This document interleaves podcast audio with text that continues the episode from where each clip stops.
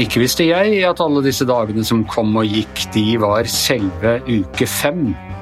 Thomas, det har vært Groundhog Day 2. februar denne uka, og nå føler jeg altså dette er Groundhog Year dette året her. Det er det samme som skjer omtrent hver eneste dag. Ja, nå er vi tilbake på hjemmekontoret. Ja, øh, vi er på hjemmekontoret, vi snakker sammen via Skype. øh, vi snakker om korona, om Arbeiderpartiet, om øh, litt om Trump og amerikansk politikk. Det er akkurat som Bill Murray og den, den berømte dagen i Puxamantoni i, i, uh, utafor Pittsburgh i 1992. Men jeg har lagt inn en liten twist i dag, Anders. Jeg er eh, påkledd fra start av. Du du er påkledd også nedentil? Og hele veien. Okay. Jeg kan reise meg opp i videobildet, og det vil tåle det. Ja, ja, men så bra. Da vet du at det er kaldt i Oslo. Men du, jeg tenkte på en ting. Jeg så eh, dere hadde oppslag om at de rød-grønne eh, gjør det bra på meningsmålingene. Ja, Jeg bare lurte på, Dere pleier jo å ha en politikk Dere dekker jo ofte ikke rød-grønn side som én side. men Dere er ofte veldig fokusert på Arbeiderpartiet. Men er det da bare når de går nedover? Mens når de nå har gjort det bedre på meningsmålingen, så er ikke det noe vits i å lage noen sensasjon ut av det? Du savnet gladsakvinklingen for Arbeiderpartiet på, på denne meningsmålingsnyheten? Nei, jeg prøver bare å forstå VGs logikk. Ja.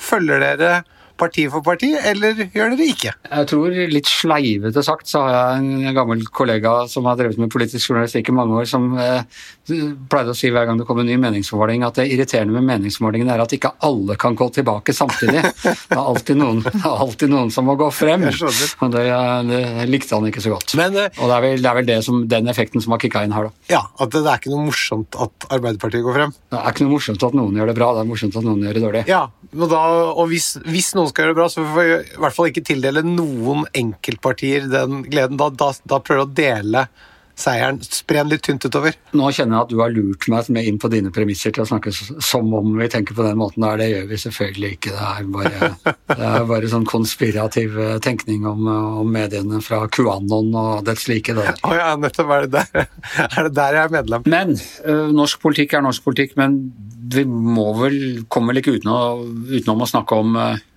koronaviruset og pandemien igjen. Nei, altså hele sendingen i dag må handle om det, Anders. Og hadde det vært opp til deg, så hadde hver eneste sending handlet om det. Hadde det ikke det? jo, men altså, hadde det vært opp til meg, så hadde vi vært litt strengere, og da kanskje hadde vært litt mindre tiltak Det er riktig. eh, nå. Fordi da kunne vi rett og slett levd i en sånn situasjon der de landene som har gjort det veldig strengt, og så har de nesten ikke noe tiltak i en lang periode, og så kommer det et uh, lite smitteutbrudd, og så uh, Og så må de da Tramper de det ned? ja, tramper de ned, og så er det veldig lite tiltak igjen. Ja. Men det er klart, da kan, men nå har vi valgt å holde på med gjestearbeidere og og som det sto i VG her forleden, den norske grensen er som en sveitserost. Ja. Den følelsen får man jo. Men vi har da rett og slett igjen besøk av eh, Espen Astrup eh, Nakstad. Vår mann, det må vi jo kunne kalle han, eh, Thomas. Altså, For en gave til Norge den fyren har vært. Det må være lov å si det sånn. Jeg føler at han er veldig, veldig sånn man snakker om rett mann i rett tid. Han steg liksom fram liksom nesten fra det. Det er nesten sånn litt cowboyaktig eh, over det. ikke sant? De, de trengte en mann, og Espen Nakstad var mannen. Også, altså, han både er så kompetent, han kan så mye, og så har han en eller annen måte å Altså, jeg blir så beroliget når jeg hører på han. Og når vi da har fått manifestert vår ukritiske beundring for ukens gjest, så er det på tide å ønske ham velkommen. Og med det ønsker vi hjertelig velkommen tilbake til Espen eh, Rostrup eh, Nakstad. Velkommen skal du være. Takk for det. takk for det. Du er, bortsett fra statsministeren, den eneste vi har hatt her eh, eh, to ganger. Ja da, og Jeg husker jo godt sist gang at eh, jeg ble jo litt nervøs etterpå. Vil si du ble kanskje mer nervøs fordi du havnet i karantene. sånn var det. Det er helt Ja. Mm. riktig. Vi snakka om det her. Det kan, altså, forrige gang så gjorde vi det jo i studio. Um, denne gangen så foreslo du at vi skulle ta det digitalt. Jeg, har jo litt, jeg føler jo litt på at, at det kanskje er gode grunner til det. Ja da, Men det gikk jo fint sist. Det var jo, eh, det var jo for så vidt et problem som løste seg, så det var det. Det som altså skjedde, var at uh, rett etter at vi hadde hatt podkast med deg her i, ganske tidlig i høst, så gikk jeg ut, og så traff jeg sønnen min, og så viste det seg dagen etter at han hadde, var blitt smittet av korona. Og det jeg må si da, det første Altså, og Da hadde jeg den tunge oppgaven. Og én ting var å skulle ringe deg, Espen Nakstad, men jeg skulle også ringe Thomas Giertsen, som også har vært rimelig opptatt av å ikke få dette koronaviruset. Uh, som jeg hadde vært sammen med dere, uh, med dere begge. Og det aller første jeg følte, det var ikke redsel eller noe sånt for å være syk. Jeg følte ja, skam. Ja, det, det er det nok mange som har følt på i denne pandemien. Eh, selv om tre millioner mennesker har testet seg, og mer enn det, så er det fortsatt eh, litt rart det der. Altså at folk tenker at det er noe skamfullt.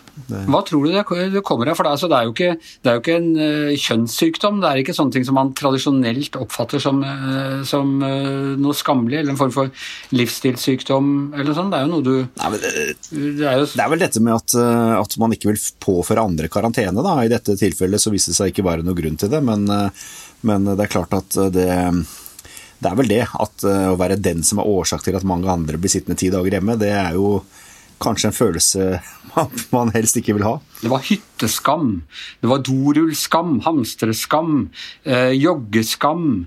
Eh, liksom dette med at, at, eh, skam som på en måte eh, et sosialt verktøy for å kontrollere hverandre og, og kontrollere Og det ble debattert frem og tilbake om det var riktig å påføre folk skam, eller om man ikke skulle gjøre det. Hva tenker du om det egentlig en, i den situasjonen vi har vært i? Jeg tenker at det er et utslag av at vi har sosiale medier. Alle ser alt, og dette blir delt. Det er det som er grunnen. Det hadde jo aldri skjedd før sosiale medier. Eh, men det blir så lett å følge med på hva alle andre gjør, og man deler det med alle vennene sine, og da, da blir det fort sånn, da. Eh, men det er jo bare tull. Eh, det er jo ikke noe grunn til å ha skam over noen av disse tingene. Så, så, vi er jo stadig ute vi i Helsedirektoratet og kommenterer at det ikke er grunn til å ha skam over noe av dette her. Og det gjør vi faktisk med jevne mellomrom hver gang det dukker opp. Men hvis man har vært på fest og vært uh, brutt reglene, da kan man skamme seg litt, eller? Ja, da, da, er vi i hvert fall ikke like kjapt ute for å, for å, å si eh, hjelpe deg med den skamfølelsen. Det er vi ikke. Så, men ja da. Men det er, det er ikke grunn til å skamme seg mer enn man må. Jeg er enig i det. La oss si at uh, det hadde vært snakk om den nye mutanten sist gang. Hadde det vært større sjanse for at vi hadde blitt smittet da? Hvis, var, hvis, Anders hadde den? Ja, I og med at han ikke hadde den, så var det jo greit. Men, eh, men eh, hvis han eh, hadde blitt smittet, og vi satt i et studio selv om vi hadde god avstand og pleksiglass og de tingene, så tror jeg faktisk risikoen er litt større nå med det muterte viruset. Altså, det viser seg det er faktisk ganske mange eksempler på det. At det er mer smittsomt, særlig innendørs, der hvor man sitter over lengre tid. Nå, nå er det jo mye snakk om portforbud. Hva, hva, tenker du om det? Nei, jeg tenker at Det egentlig er en litt sånn ikke-sak. Det, altså, det startet jo med at eh, direktoratet fikk spørsmål om, eh, om, å ta stilling til det. og Det er helt åpenbart at i en pandemisituasjon som er uavklart, kanskje med et, et farligere virus eller et mer dødelig virus, så, så er det viktig å ha virkemidler for å beskytte folkehelsen. Eh, og dette er jo et virkemiddel som kun vil bli anvendt hvis andre virkemidler ikke fungerer og du er i en veldig, veldig alvorlig situasjon. Eh, og Da er det fint å ha hjemmel for det, og ikke måtte drive og stortingsbehandle det i en akutt situasjon. Og Det er vel egentlig det det dreier seg om. Eh, de som er ute og argumenterer med at portforbud er ikke nødvendig nå, de har helt rett. Det er ikke nødvendig i det hele tatt, og det er ikke det det dreier seg om. Det dreier seg rett og slett om å ha hjemmelsgrunnlag for et verstefallsscenario i framtiden, som man ikke har i smittevernloven i dag. Det er egentlig det det dreier seg om. Hva med koronapass? Er det ja, Det diskuteres så mye nå, da. Eh, nå har vi vel snart eh, mange pensjonister som kan glede seg til sommeren og kanskje faktisk reise til Spania og andre steder uten å havne i karantene. Eh, og da tvinger jo dette seg fram, tror jeg, denne her diskusjonen med pass. Og så vet jeg at man i Danmark også er opptatt av det om man da kan i større grad gå på restaurant og gjøre, delta på kulturaktiviteter hvis man er vaksinert. Så, så dette tvinger seg fram som en diskusjon i hele Europa nå, det er helt tydelig. Men da risikerer man vel også en sånn situasjon der man må vurdere om det blir mye falske pass osv.? Det er vel akkurat det som er eh, det store problemet her. Å finne en ordning på dette som er vanntett nok. Fordi vi vet jo at det jukses en del med sånne attester og sånn eh, på grensene rundt omkring.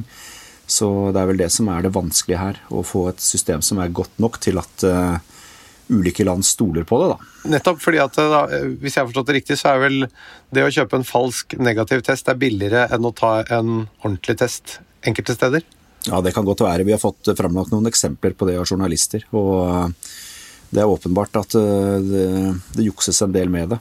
Så det blir vel det som avgjør om dette blir noe av, eller om det blir noe, noe suksess. Og I tillegg så er det klart at hvis det er veldig få uker mellom før alle er vaksinert, så trenger man kanskje ikke å lage veldig avanserte systemer som bare skal virke noen få uker, men vi får se. Men vi har fortsatt synkende trend, eller? Har synkende smittetrend i Norge, selv om den ikke er like synkende denne uka som forrige uke. Så er utgangspunktet ganske godt, men med noen ganske tydelige unntak da, der hvor det er uavklarte situasjoner med dette muterte, mer smittsomme viruset. Men Kan vi komme ned på det nivået som vi var på i sommer? Ja, altså Hvis utviklingen fortsetter nå, sånn som den har gjort, så vil vi om noen uker kanskje være der. Men jeg tror dessverre at det ikke vil skje, fordi bevegelsesmønsteret i befolkningen er såpass aktivt nå. Og vi ser at den stigningen, eller, eller reduksjonen, ikke er like bratt lenger. Sånn at jeg frykter nok at vi ikke kommer helt ned dit med det første. Også fordi det er vinter og fordi vi tross alt er i mange flere situasjoner med smitterisiko. Men, men, hadde vi kommet lenger ned, så hadde det vært en stor fordel for oss med tanke på de neste månedene. Det er ikke noe tvil om det. Du sier store bevegelsesmønstre. Hvorfor er det det? Jeg trodde det var veldig kraftige begrensninger på akkurat det nå. Nei, altså I mars og april så satt jo folk bare hjemme og var ikke i kontakt med noen andre. Da gikk jo smittetallene rett ned. Nå er jo folk på jobb, og skoler og barnehager er åpne, og fritidstilbud er åpent, og butikker begynner å åpne. Så det er jo mye mennesker rundt omkring. Og det var det ikke i mars og april. Det er den store forskjellen. Så da er det vanskeligere, og det er mer sårbart da, med tanke på at det fins enkeltpersoner der ute som er smitteførende uten å vite det. Så da blir det rett og slett vanskeligere å få det raskt ned. Men det er interessant, for jeg, jeg har opplevd at den siste uka har vært strengere enn det noen gang var i mars-april. Da var jo tross alt butikkene åpne og sånn. Ja, du kan si i disse Oslo-Follo-kommunene, som var affisert nå av disse strenge tiltakene en ukes tid, så har det jo kanskje vært enda strengere enn det var i mars og april. Men forskjellen er at den gangen var skoler og barnehager også stengt. Så da var det jo ingen foreldre som beveget seg utenfor kjøkkenet omtrent, hvor de hadde hjemmeskole og satt og jobba. Så, og prøvde å gjøre begge deler. Så det, det, var nok en lavere mobilitet i samfunnet tross alt i midten, slutten av mars, enn det det er nå. Og dette er jo blitt et maraton, hele opplegget. Så, og da er spørsmålet, også i lys av det du sier nå, da, kunne dette vært gjort mer effektivt? Kunne man kjørt en knallhard nedstenging en kort periode, eller kortere periode, og så fortsatt med stengte grenser, og dermed vært kvitt viruset? Altså, det var jo det vi opplevde i første bølgen. Da kom vi jo egentlig ganske dårlig ut, med veldig mye smitte under radaren ved inngangen til mars måned. Men så ble jo landet stengt noen uker, og bare på de få ukene pluss påsken så falt jo tallene betydelig. Og når vi gikk inn i forsommeren, så hadde vi jo nesten ikke smitte i Norge. Jeg tror I juli måned så tror jeg det på det laveste så var det tre innlagte pasienter i hele Norge med covid-19. Og Det betyr at når da folk festa og reiste på utenlandsferie og gjorde, levde veldig normalt i sommer, så fikk ikke det noen store konsekvenser fordi sjansen for å møte en smitteførende person var så lav. Men utover høsten så har det blitt annerledes. og det er klart at det landet ute i Europa har gjort nå, de har jo stengt brutalt ned veldig mange land og fått ned smittetallene. Men det å holde ut og gjøre det lenge nok til at tallene virkelig blir lave, det har vist seg veldig vanskelig å få til. Fordi noen må tross alt bevege seg rundt, og det er vanskelig å eliminere smitten i mange miljøer når den allerede har bitt seg litt fast, ser det ut som. Så i teorien ja, i praksis vanskelig å få oppslutning om et sånt tiltak. Men nettopp, men der sier du det, så det er det å få oppslutningen om det, og da også ikke bare av enkeltpersoner som, som støtter opp og følger reglene, men også av interessegrupper, da. Det er klart at det er ingen i samfunnet som ønsker seg strenge tiltak, og det er veldig mange som ikke ser betydningen og nødvendigheten av det i nåværende situasjon heller, fordi tallene tross alt er på vei ned. Og det er klart at det har også store konsekvenser å stenge alt ordentlig hardt ned. Det har veldig mange uheldige konsekvenser, så det vi har prøvd på i Norge det siste halvåret, det er jo å få smitten ned og holde den nede uten å måtte stenge ting. Eh, og tross alt så har skoler og barnehager og arbeidslivet generelt ikke vært stengt eh, siden egentlig april. Eh, men det har vært smittebegrensende tiltak mange steder da, lokalt. så dette høres for meg litt ut som at vi har lagt opp til en sånn slankekur, men vi skal kunne spise hva vi vil. For vi er enige om at vi må ned. Ja, alle er nok enige om at det er fordel å ha lave smittetall. Utfordringen er veien dit og det å opprettholde det. Og Da kommer det du er inne på, dette med at det ikke er lekkasje på grensene med smitte som ikke oppdages. Det blir veldig viktig. Sånn at eh, Vi tror nok at det systemet vi har på grensene nå, og de tiltakene vi har, er, gir oss et veldig godt utgangspunkt. Men det som nå begynner å ødelegge litt, er hvis vi får muterte virus. Det er en eh, liten game changer i hele regnestykket her, som eh, også vi nok vil slite med framover. Og de er her, det er ikke noe De er her, men eh, de fleste av dem fører ikke til videre smittespredning, fordi folk sitter tross alt i karantene når man kommer til landet. De aller fleste gjør det. Men vi har jo nå sett tilfeller på smitteutbrudd som har pågått en stund uten å ha blitt oppdaget. Eh, og får vi mange sånne tilfeller, så, så blir det vanskelig. Men, men, altså, hvis vi prøver å tenke litt enkelt her, så er det jo da to måter å bli kvitt dette problemet på. Det ene er en vaksine, Eller så er det å stoppe kontakt mellom mennesker. Etter en periode da, så dør viruset ut. Det jeg sliter med å forstå, da, det er liksom det at uh, alle er enige om at det, det, er så, det er så krevende med denne situasjonen. Uh, spørsmålet er bare vil du ha denne situasjonen i fire uker og så ikke noe etterpå, eller vil du ha den over dratt utover over flere år. Og kanskje også nå, hvis viruset da i tillegg får tid til å mutere, så funker jo ikke vaksinen heller. Nei, du kan si Problemet her er jo at eh, selv om du skulle stengt ned alt veldig hardt, så hadde ikke liksom to uker vært nok. Du måtte bare for å få ned smitten internt i familier, så måtte du i hvert fall hatt fire uker, kanskje seks uker. Og I tillegg så må vi ha varetransport til landet, og noen må gå på jobb i denne perioden. Eh, sykehus må være åpne, politiet må gå på jobb. sånn at det, det blir ganske mange kontaktpunkter likevel. Og det gjør at eh, det å helt eliminere all smitte, det er veldig vanskelig når en pandemi først har satt seg. Men samtidig så er det veldig nyttig å ha lavt smittenivå, fordi da er sjansen som sagt mye mindre for utbrudd. Og du kan leve med større risiko i samfunnet. Altså Folk kan være mer i kontakt med hverandre tross alt, hvis smittenivået er lavt. Og det er det vi har på en måte prøvd å få til i Norge. Men uh, i teorien har du ganske rett i at det, det ville vært optimale. Og New Zealand f.eks. lever sånn nå. I Perth så har de jo levd normalt i ni måneder nå. Uh, og når det dukker opp smittetilfeller, så kjører de en kort lockdown, og så åpner de opp igjen.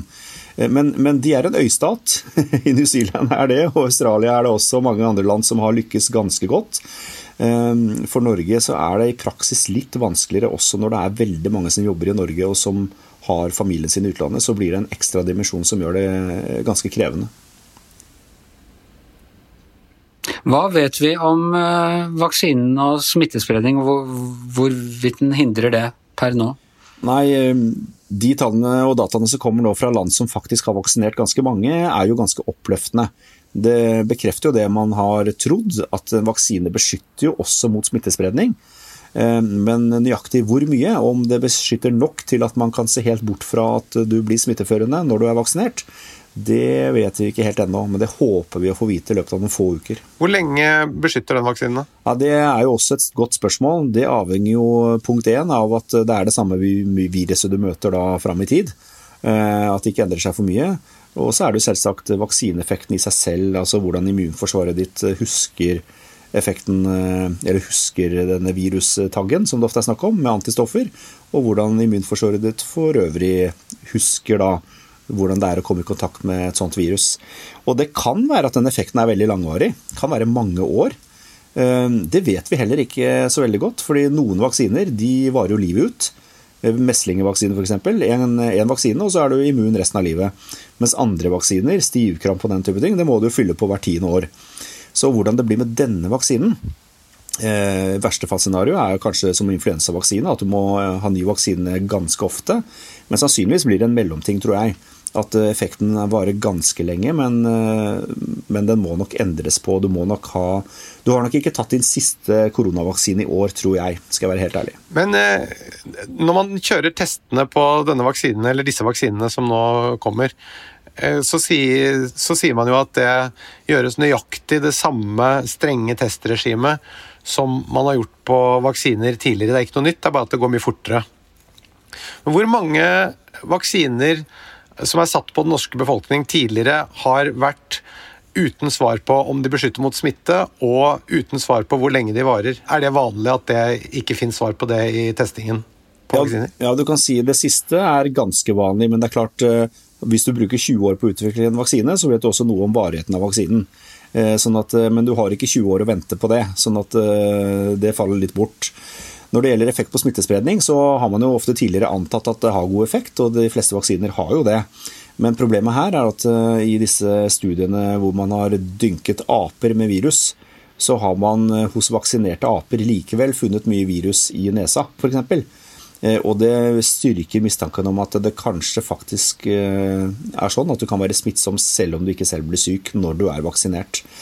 Men i praksis så viser det seg nå, i hvert fall eh, styrker den antakelsen seg om at du er ganske godt beskytta både mot å bli syk og mot å smitte andre når du er vaksinert. Ja, jeg skjønner, men Er det vanlig at man ikke vet svaret på det når man lanserer vaksiner? Ja, I hvert fall vaksiner som er utviklet raskt, så vet man jo mindre om eh, hvor langvarig effekten er. Eh, og dette med, med om man kan føre smitte videre eller ikke, det er nok kartlagt litt grundigere med denne vaksinen enn det man er vant til. Rett og slett fordi at det har blitt en, en, en vesentlig faktor eh, ved en pandemi fordi da kommer dette flokkimmunitetsprinsippet inn. Og det er jo ikke like sentralt alltid med andre vaksiner. Så, så litt forskjellig er det, men, men det er, du peker på to ting som er beheftet med usikkerhet. Jeg lurer litt på altså da enkelte land, som f.eks. England, som ikke var særlig gode til å håndtere det i begynnelsen, Det tok altfor lang tid før de tok det på alvor. Boris Johnson presterte å bli, bli sjuk sjæl eh, akkurat når lederskapet trengtes eh, som mest, og, det har gått ganske dårlig. Men de har vært noe helt fantastiske til å rulle ut denne vaksinen. Mens vi som har, hadde åpenbart eh, fått en relativt vellykket strategi fra begynnelsen av, vi ligger langt, langt etter på vaksineringa. Hva, hva, kommer det av? Nei, Er du et stort land og også har vaksineproduksjon innenlands, så er du jo bedre stilt enn om du er en bitte, bitte lite folk som uh, er en liten dråpe i havet i det store vaksinemarkedet. Sånn at uh, Det er nok som blir sagt at det er en teoretisk mulighet for at Norge kunne ha lykkes med å gå solo. Men du vet jo ikke hvilke av disse vaksinene som ville bli først ferdig og godkjent. Eh, og risikoen for at du hadde endt opp uten vaksine i det hele tatt, hadde vært veldig stor. Så det å gå sammen med EU her, det var nok et lurt trekk. I hvert fall hvis du ser på land i andre deler av verden, så, så har man jo tross alt kommet tidlig i gang, da. Så her hjelper det ikke å være verdens rikeste land? Nei, det er ikke alltid det hjelper.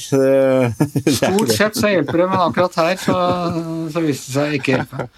Eh, eh, jeg må også spørre deg, du har jo militær bakgrunn, du har vært fallskjermjeger, har du ikke? Stemmer det. Mm. Ja, er, er, det vi er i nå, en slags krigssituasjon? På en måte er det litt det. Det er i hvert fall en krig mot viruset. Eh, og for land som er hardt rammet, så er dette blodig alvor. Det er det for så vidt i Norge også, det er ikke tvil om det. Det er jo portforbud og ja. identifikasjonspapirer, og jeg får sånn far min fortalte om krigen-følelse her. Altså. Ja, altså du kan se at eh, altså, i USA så har vel flere dødd av dette viruset enn under andre verdenskrig. Eh, og eh, det dør jo flere hver dag enn det gjorde 9-11 av terrorangrepet i 2001. Så, så, eh, så, det er en veldig alvorlig situasjon i mange land. Så jeg tror nok mange myndigheter føler at de står i en slags krig. Og den har jo blitt mer og mer langvarig enn det man kanskje først så for seg. Så, så, det røyner på mange steder, dette her. Det gjør det, altså. Tror du vi kommer til å bli helt kvitt dette problemet, og i så fall når? Jeg tror eh, at i inneværende år så vil vi komme i en mer normal situasjon, det tror jeg. Men jeg tror ikke vi er kvitt eh, viruset globalt eh, de første årene. Og mutasjoner vil skje, så det kan være at vi må på med en ny vaksine om en stund. Eh, det kan også være at dette viruset vil få lite nedslagsfelt i Europa etter hvert, og ikke bli et så stort problem her som i resten av verden. Eh, eh, men verstefallsscenario er at vi får nærmest en ny influensavariant som kommer hvert år når det blir vinter og hjemsøker oss med kanskje så store endringer at vi må lage nye vaksiner til og med hvert år. Det er mindre sannsynlig, fordi dette viruset virker mer stabilt enn influensavirus pleier å være. Men, eh, men, jeg tror ikke vi er kvitt problemet, selv om eh, situasjonen blir langt bedre.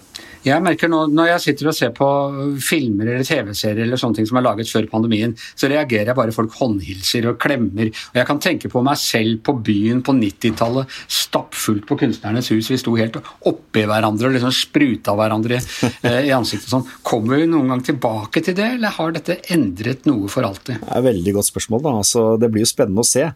Eh, eh, det er jo sånn nå at du sitter og ser på filmer eller ting som ble tatt opp før pandemien, hvor liksom alle klemmer og hilser, og man reagerer faktisk litt på det. Eh, men jeg tror nok at man kommer en del tilbake til normalen. Men det er ikke sikkert at det er et poeng å klemme flest mulig på en fest. Og en god effekt som vi fikk nyheter om i går, var vel at antibiotikaforbruket i Norge har rast som en stein. Altså Man har oppnådd den målsettingen. da. Eh, og det er nok fordi dels at folk er mindre syke, kanskje ikke går eh, til fastlegen like ofte for sånne småting, men også det at folk har skjønt mer av dette med smittevern, og at, eh, at det har en betydning. Så noe positivt oppi alt det negative er jo tross alt kanskje med det, men det er ikke så mye. Men du tåler kroppene våre å få sånn vaksinepåfyll hvert år? Ja da, altså det, det er ikke noen grunn til at det ikke skal, skal skal gå bra, men det er ikke sikkert du trenger det. For F.eks. med influensa, så er det sånn at har du hatt influensa, så er du ganske godt beskyttet også mot disse litt endrede influensavariantene som kommer hvert år. Eh, og, og, er du vaksinert i fjor, så har du sannsynligvis også en viss beskyttelse mot influensaen i år. Så eh, jeg tror ikke at det blir sånn at man må vaksinere seg hvert år mot dette koronaviruset. Kanskje er effekten veldig langvarig. Kanskje må du på med et påfyll om eh, noen år. Men dette er som sagt veldig usikkert. Men vi må nok være forberedt på at problemet er ikke borte fra jordens overflate ved juletider 2021. Det, det er det nok ikke. Og NHO skal fortsatt sørge for at vi har godt med gjestearbeidere her. Så vi må liksom, alle må være med på den dugnaden her nå. Sørge for at de får det.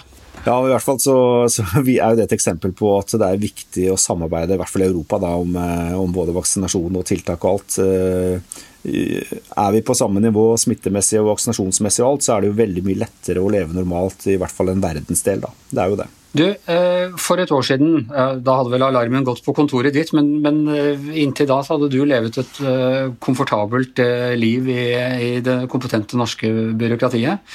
I dag er du jaget vilt. Jeg vet ikke hvor, hvor altså Du ble årets navn her i VG, men det var jo ikke det eneste stedet. Hvor, hvor mange steder ble du kåret til årets navn uh, før jul her? Nei, du, Det var vel VG og Dagbladet og Aftenposten, vel, tror jeg. Eh, jeg tror det. Men uh, nei, du, jeg har jobbet et langt liv i, i sykehus med intensivmedisin og mye annet inntil faktisk for et år siden. Jeg er på utlån nå og har jo kontakt med det miljøet og forskningsmiljøet fortsatt. så jeg føler meg ikke som en byråkrat, det gjør jeg ikke. Men, eh, men, eh, det har vært mye, selv om det meste av det jeg har gjort i år, har vært å sitte i møter og gjøre risikovurderinger og diskutere uheldige konsekvenser av alle disse tiltakene som vi foreslår. Det er det som vi bruker tid på. Eh, det mediemessige er kanskje 10% av min jobb. Men det virker mye. Men det er jo bare noen få minutter av gangen. Så, så mye er det faktisk ikke. Når dette en gang forhåpentligvis er over, skal du da tilbake til eh, medisinen, eller hva, Nei, hva tenker du på? Min plan og, og, Helsedirektoratets plan er at jeg skal fortsette med dette så lenge det er behov for det i pandemien. Eh, og så får jeg se hva jeg gjør etter det. det nå er det sånn at jeg bare har ett fokus, det er å gjøre en best mulig jobb med denne pandemien. Og tenker egentlig ikke på så mye annet enn det. Vi har fortsatt en ambisjon om at dette, denne podkasten også skal bidra til å putte det er, vår, det er, vårt bidrag til dugnaden, putte penger inn i eh, økonomien igjen. Nå har jo det meste vært stengt, men, eh, men det har vært åpent et par dager. Har du rukket å kjøpe deg noe annet enn mat for å putte penger inn i økonomien? Du, jeg har ikke hatt tid til å være i mange butikker de siste åra, altså, det må jeg innrømme. Det er så vidt jeg kommer meg i en matbutikk av og til eh, sent på kvelden. Eh, så det er vel eh, å kjøpe brød og melk og sånn jeg egentlig driver med. Hva med deg, Thomas? Har du benyttet de to dagene som har til rådighet til å kjøpe noe? Alt har jo vært stengt, men jeg har kjøpt blekk til printeren. Ja. Ja, det er Ja, Cyan. Ja, det er jo forbruksvare. Det er jo nødvendig. Det er nødvendig, og det, og det kan jeg si det er ikke litt penger inn i økonomien heller. Nei, det er ikke det. Det koster mer enn printeren. Mye mer enn printeren. Så jeg, jeg var jo Jeg tenkte herregud, dette gidder jeg ikke. Nå må jeg dra på Elkjøp og kjøpe en ny printer. Ja. For da følger det i hvert fall med patroner er i printeren. det Men sånn. det var jo stengt. Så derfor så måtte jeg da henfalle til den dårlige løsningen om å rett og slett kjøpe refill. Ja. Eh, Den dyre refill-løsningen. Nei, det er så, det er sånn som, eh, sånn som vi hørte om pusherne da jeg var liten, at de, de ga deg første skuddet gratis, og så øh, de gir deg printeren til liksom, øh, 350 kroner, og så koster de der patronene en vanvittig. Men fordelen her er at Elkjøp husker ikke på samme måte som pusheren husket jo hvem du var. Det husker ikke Elkjøp, så du kan egentlig komme og kjøpe første gang, og du kan kjøpe printer, og da følger du med litt blekk, så det beste er bare å kjøpe en ny printer, og så kaste den andre på dynga. Dette er jo, høres helt forferdelig ut, men eh, det virker nesten som det er logikken her. Men øh, jo da, de husker deg nok, vet du. Det, Tro det, du, du som er opptatt av hva Google husker og sånne ting, det er klart jeg har deg i arkivene på Elkjøp, vet du, Thomas. De prøver å få meg til å, å legge igjen noen spor ved å spørre liksom, har du lyst på ditt og datt, men jeg sier bare alltid nei takk, jeg vil bare betale Ja. kontant.